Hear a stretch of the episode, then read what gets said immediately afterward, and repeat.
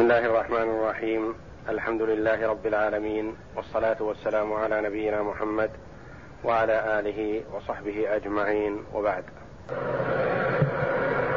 اعوذ بالله من الشيطان الرجيم ان المتقين في جنات وعيون ادخلوها بسلام امنين ونزعنا ما في صدورهم من غل إخوانا على سرر متقابلين. لا يمسهم فيها نصب وما هم منها بمخرجين. نبئ عبادي أني أنا الغفور الرحيم. وأن عذابي هو العذاب الأليم. تقدم لنا في الآيات قبل هذه. قول الله جل وعلا إن عبادي ليس لك عليهم سلطان إلا من اتبعك من الغاوين. وإن جهنم لموعدهم أجمعين. لها سبعة أبواب. لكل باب منهم جزء مقسوم. فبين جل وعلا ما توعد به الغاوين الذين أعرضوا عن الصراط المستقيم وعن متابعة الأنبياء صلوات الله وسلامه عليهم أجمعين. واتبعوا الشيطان اللعين فأطاعوه في معصية الله. بين جل وعلا ما أعد لهم في قوله وإن جهنم لموعدهم أجمعين لها سبعة أبواب لكل باب منهم جزء مقسوم. وجرت سنة الله جل وعلا بأنه إذا ذكر عذاب الكافرين المعرضين ذكر ما أعده جل وعلا لأوليائه من عباده الصالحين. ليكون ذلك تحذيرا من سبيل الغواية وترغيبا في طريق الحق واتباعه والأخذ به. قال جل وعلا إن المتقين في جنات وعيون. المتقين الذين اتقوا. اتقوا ماذا؟ جمهور المفسرين على أنهم اتقوا الشرك ولا ينافي أن يقعوا في شيء من المعاصي. وقيل اتقوا الشرك والمعاصي. ولكن قول الجمهور هو الأول وهو أرحم جل وعلا بعباده. فمن اتقى الشرك استحق برحمة الله جل وعلا الجنة. كما قال جل وعلا في الحديث القدسي أن النبي صلى الله عليه وسلم قال يقول الله يا ابن آدم لو أتيتني بقراب الأرض خطايا ثم لقيتني لا تشرك بي شيئا لأتيتك بقرابها مغفرة.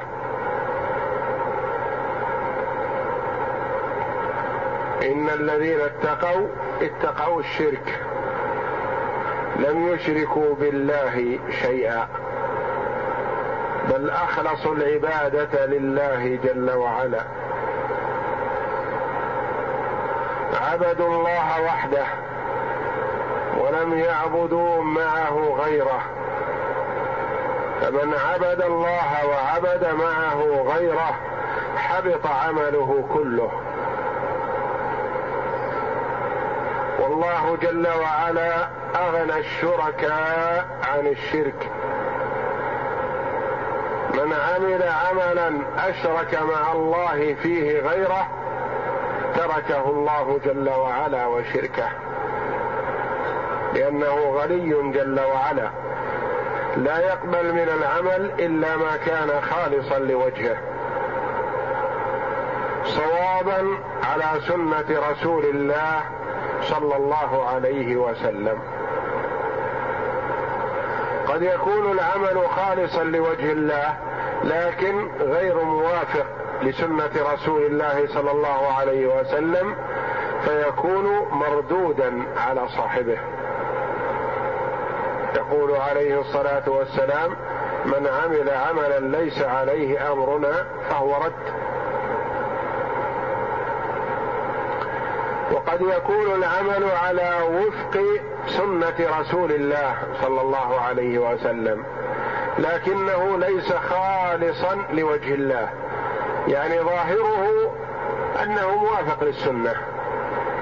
لكن المرء قصد به غير الله فلا ينفعه. فلا ينفع العمل صاحبه إلا إذا كان خالصا لوجه الله صوابا على سنة رسول الله صلى الله عليه وسلم. إن المتقين في جنات وعيون في الدار الآخرة. في جنات. والجنات هي البساتين. سميت جنة لأنها لكثرة أشجارها والتفافها تستر ما تحتها.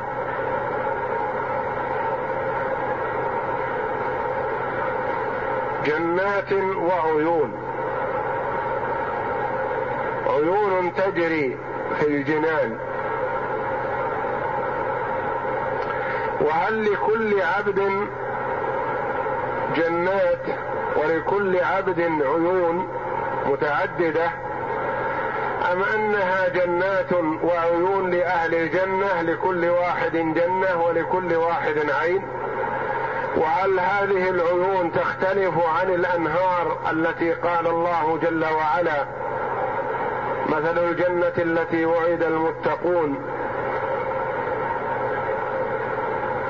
تجري من فيها أنهار من ماء غير آس وأنهار من لبن لم يتغير طعمه وأنهار من خمر لذة للشاربين وأنهار من عسل مصفى.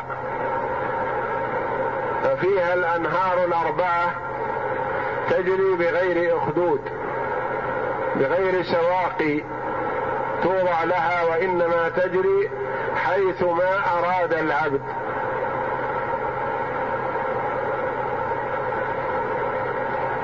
في جنات وعيون أدخلوها بسلام آمنين. ادخلوها. يقال لهم ادخلوها. كلما انتقلوا من مكان في الجنة إلى مكان آخر جنة أخرى قيل لهم ادخلوها. بسلام. آمنين.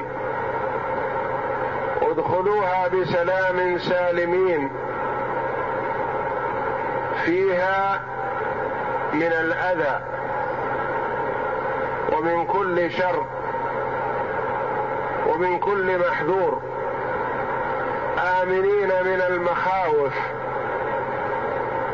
قد يكون المرء سالما في الحال التي هو فيها لكن يتخوف المرض.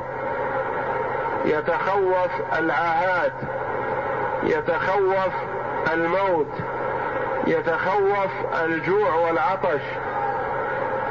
لا خوف بل هم مطمئنون آمنون. لا يفنى شبابهم ولا تبلى ثيابهم.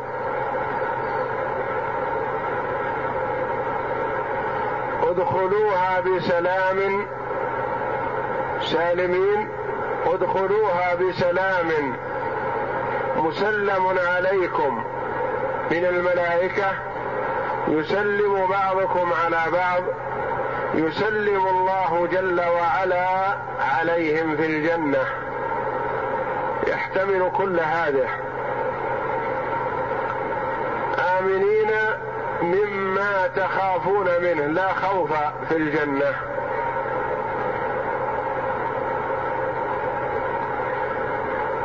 وقراءة الجمهور ادخلوها على سبيل الأمر. يقال لهم ادخلوها بسلام آمنين. وقرئ لبعض القراء ادخلوها بضم الهمزة همزة قطع وفتح الخاء مبني للمجهول يعني أدخلهم الله جل وعلا إياها.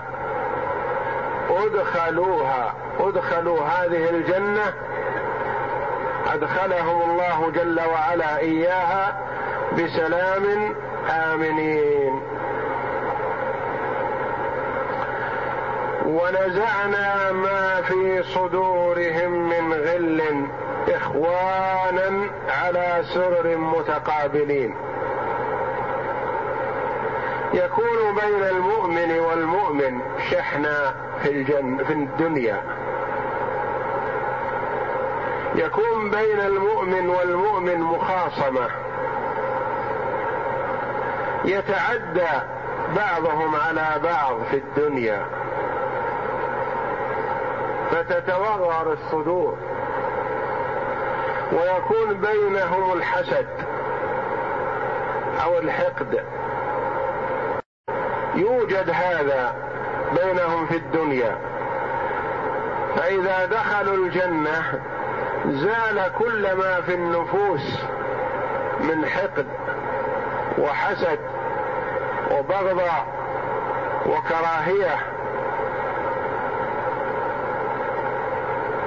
ورد أن المؤمنين إذا جاءوا إلى باب الجنة أوقفوا فيقتص لبعضهم من بعض ثم تطهر قلوبهم ويزول ما فيها عند ذلك يؤذن لهم بدخول الجنة. فيدخلونها وليس في قلب أحد منهم على الآخر شيئا من الغل أو الحقد أو الحسد أو الكراهية أو البغضاء بل هم كما قال الله جل وعلا ونزعنا ما في صدورهم من غل. إخوانا إخوانا في المحبة. والمودة والتالف فيما بينهم وليس المراد أخوة النسب. إخوانا على سرر متقابلين. على سرر. جمع سرير. وهي المجالس الحسنة. السرر المعروفة. سرر. سرر الذهب المكللة بالدر والجوهر النفيس كما روي عن ابن عباس رضي الله عنهما. إخوانا على سرر متقابلين يقابل بعضهم بعضا. لا ينظر بعضهم إلى قفا بعض فسررهم متقابلة. فإذا تفرقوا بقيت الوجوه متقابلة حتى ينقطع نظر أحدهم إلى الآخر. فلا يرى بعضهم قفا بعض. ولا يتدابرون. وإنما هم كما قال الله جل وعلا متقابلين يعني ينظر بعضهم إلى وجوه بعض. كل ينظر إلى وجه صاحبه. ورد أن المرء إذا اشتاق إلى رؤية أخيه المؤمن في الجنة سار به سريره وسار بالآخر سريره حتى يلتقيان. فيسر بعضهم ببعض ويتحدثان بما شاء ثم يرجعان ولا يتدابران. وإنما يرجع السرير وكل واحد وجهه إلى صاحبه بإذن الله جل وعلا. ونزعنا ما في صدورهم من غل إخوانا على سرر متقابلين. قال علي بن أبي طالب رضي الله عنه هذه الآية نزلت فينا أهل الجنة. وقال رضي الله عنه لعمران بن طلحة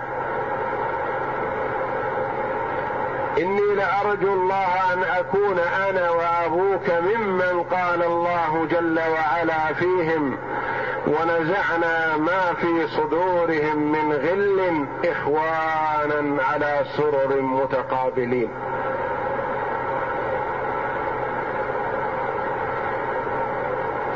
فهي نزلت في الصحابة وفي من تنطبق عليهم من المؤمنين. رضي الله عنهم. فالعبرة بعموم اللفظ لا بخصوص السبب. وقيل إنها فيما كان بين افخاذ الصحابة الفخذ قبل الإسلام في حال الجاهلية. كان العدوي لا يهوى الهاشمي والتيمي لا يريد العدوي. فلما أسلموا واجتمعوا على الإسلام رضي الله عنهم وأرضاهم كانوا ممن قال الله جل وعلا فيهم ونزعنا ما في صدورهم من غل. إخوانا حال حال كونهم إخوان على سرر متقابلين لا يمسهم فيها أي في الجنة. لا يمسهم فيها نصب النصب هو التعب. ما يصيب المؤمن من هم ولا نصب حتى الشوكة يشاكها إلا يكفر الله جل وعلا عنه بها من خطاياه. هذا في الدنيا. وأما في الجنة فلا يمسهم لا يمسهم فيها نصب لأنه لا تعب ولا مجهود ولا مشقة ولا أذى. لا يمسهم فيها نصب وما هم منها بمخرجين. هذه بشارة عظيمة. لا تعب فيها. وما هم منها بمخرجين غير منتقلين منها أبدا. قد يكون المؤمن المرء في الدنيا في حال سرور. يتيسر له ما يريد من دنياه. وما يهواه وما يميل إليه. لكن إذا تذكر أن هذا الشيء فاني أو أنه هو ميت وتاركه أو أن الفراق حاصل لا محاله بينه وبين محب وبين حبيبه. تنغص عيشه ولو كان في حال سرور تنغص وتكدر. لكن المرء في سروره في الجنة مطمئن بأن هذا لن يتغير أبدا بل يتجدد. الشباب لا يتأثر باق على حاله. الصحة كذلك. النعيم في الجنة باقي. الفواكه غير مقطوعة ولا ممنوعة. كل شيء على أحسن حال. يهوى المرء الفاكهة فتتدلى بين يديه فيأخذ منها ما أراد ويعود الغصن إلى مكانه على ما كان عليه. يهوى لحم طير في الجنة فإذا به في لحظة مقدم له مهيأ للأكل. أعددت لعبادي الصالحين ما لا عين رأت ولا أذن سمعت ولا خطر على قلب بشر. مهما حاول المرء أن يتصور نعيم الجنة لا يستطيع لا يدركه. في منتهى النعيم يتصور شيء من النعيم لكن هو فوق ما يتصور. لا يمسهم فيها نصب وما هم منها من الجنة بمخرجين. لا يخرجون. بل ينتقلون من حسن إلى أحسن. نبئ عبادي أني أنا الغفور الرحيم. وأن عذابي هو العذاب الأليم. روي في سبب نزولها أن النبي صلى الله عليه وسلم مر بجماعة من الصحابة يضحكون. فقال لهم عليه الصلاة والسلام أتضحكون؟ ألا تذكرون النار؟ أن الذي يخشى على نفسه. النار ما ينبغي له أن يضحك. فجاء جبريل إلى النبي صلى الله عليه وسلم بأمر الله جل وعلا قائلا له لما تقنط عبادي أو كما روي وأوحى الله جل وعلا إليه نبئ أخبر يا محمد نبئ عبادي أني أنا الغفور الرحيم. وأن عذابي هو العذاب الأليم. نبئهم أني أنا الغفور الرحيم. بشرهم بهذه البشارة بأني أنا الغفور الرحيم. وحذرهم أن عذابي هو العذاب الأليم.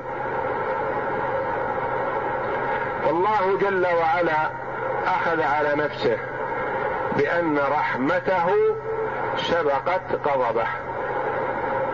تفضل منه وإحسان. وجاءت البشارة بالرحمة والمغفرة بمؤكدات أكثر مما جاءت في بيان العذاب. نبئ عبادي أني أن هذه مؤكدة. اني أنا الضمير الفصل مؤكد.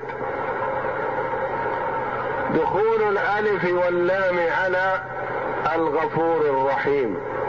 ثلاث مؤكدات. أني أنا الغفور الرحيم. أكد ذلك بإن المؤكدة وبضمير الفصل وبدخول الألف واللام على الصفتين العظيمتين الغفور الرحيم. ونسب المغفرة والرحمة إليه. إني أنا الغفور الرحيم. ثم لئلا يغتر المرء ويترك العمل ويتساهل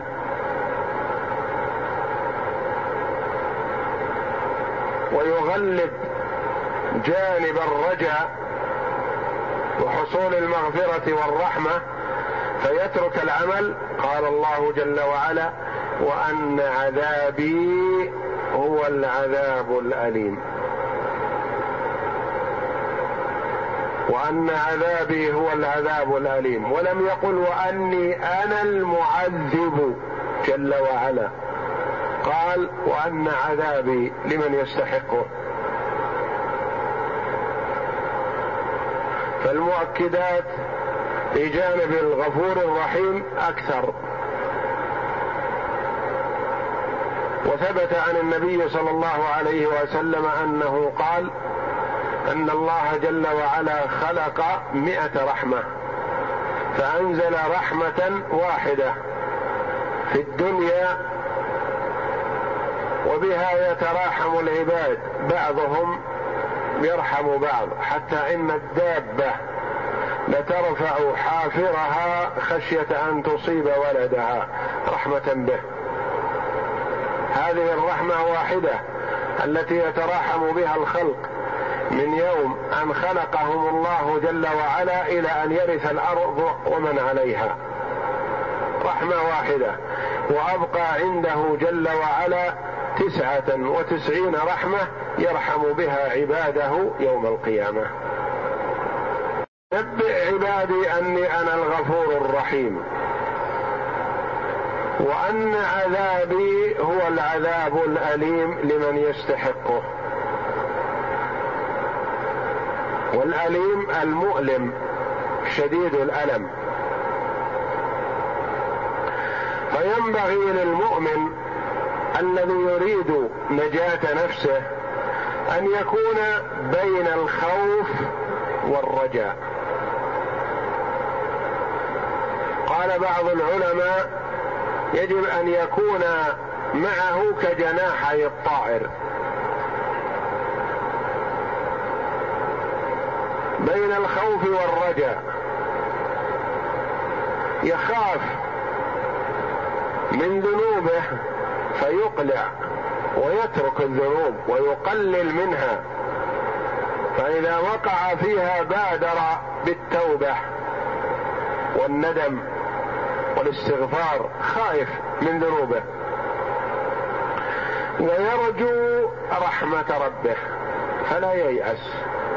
لا يصيبه اليأس والقنوط من رحمة الله فيهلك.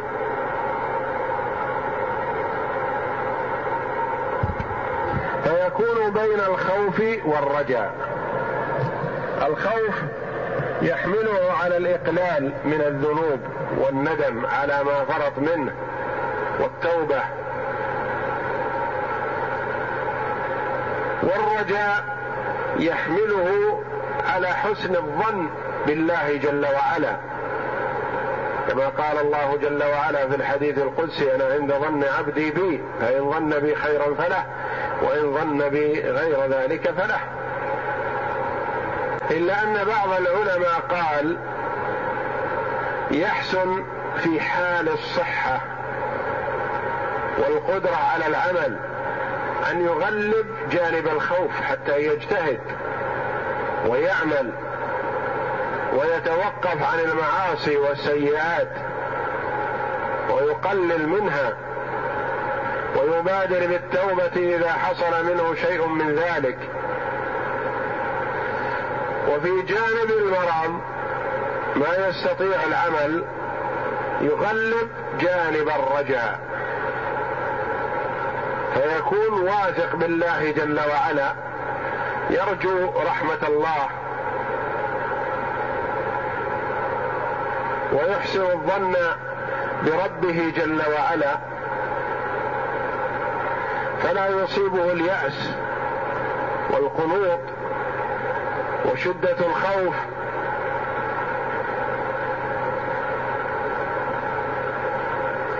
وكثيرا ما يذكر الله جل وعلا سعة رحمته مع شدة عذابه كما في هاتين الآيتين الكريمتين.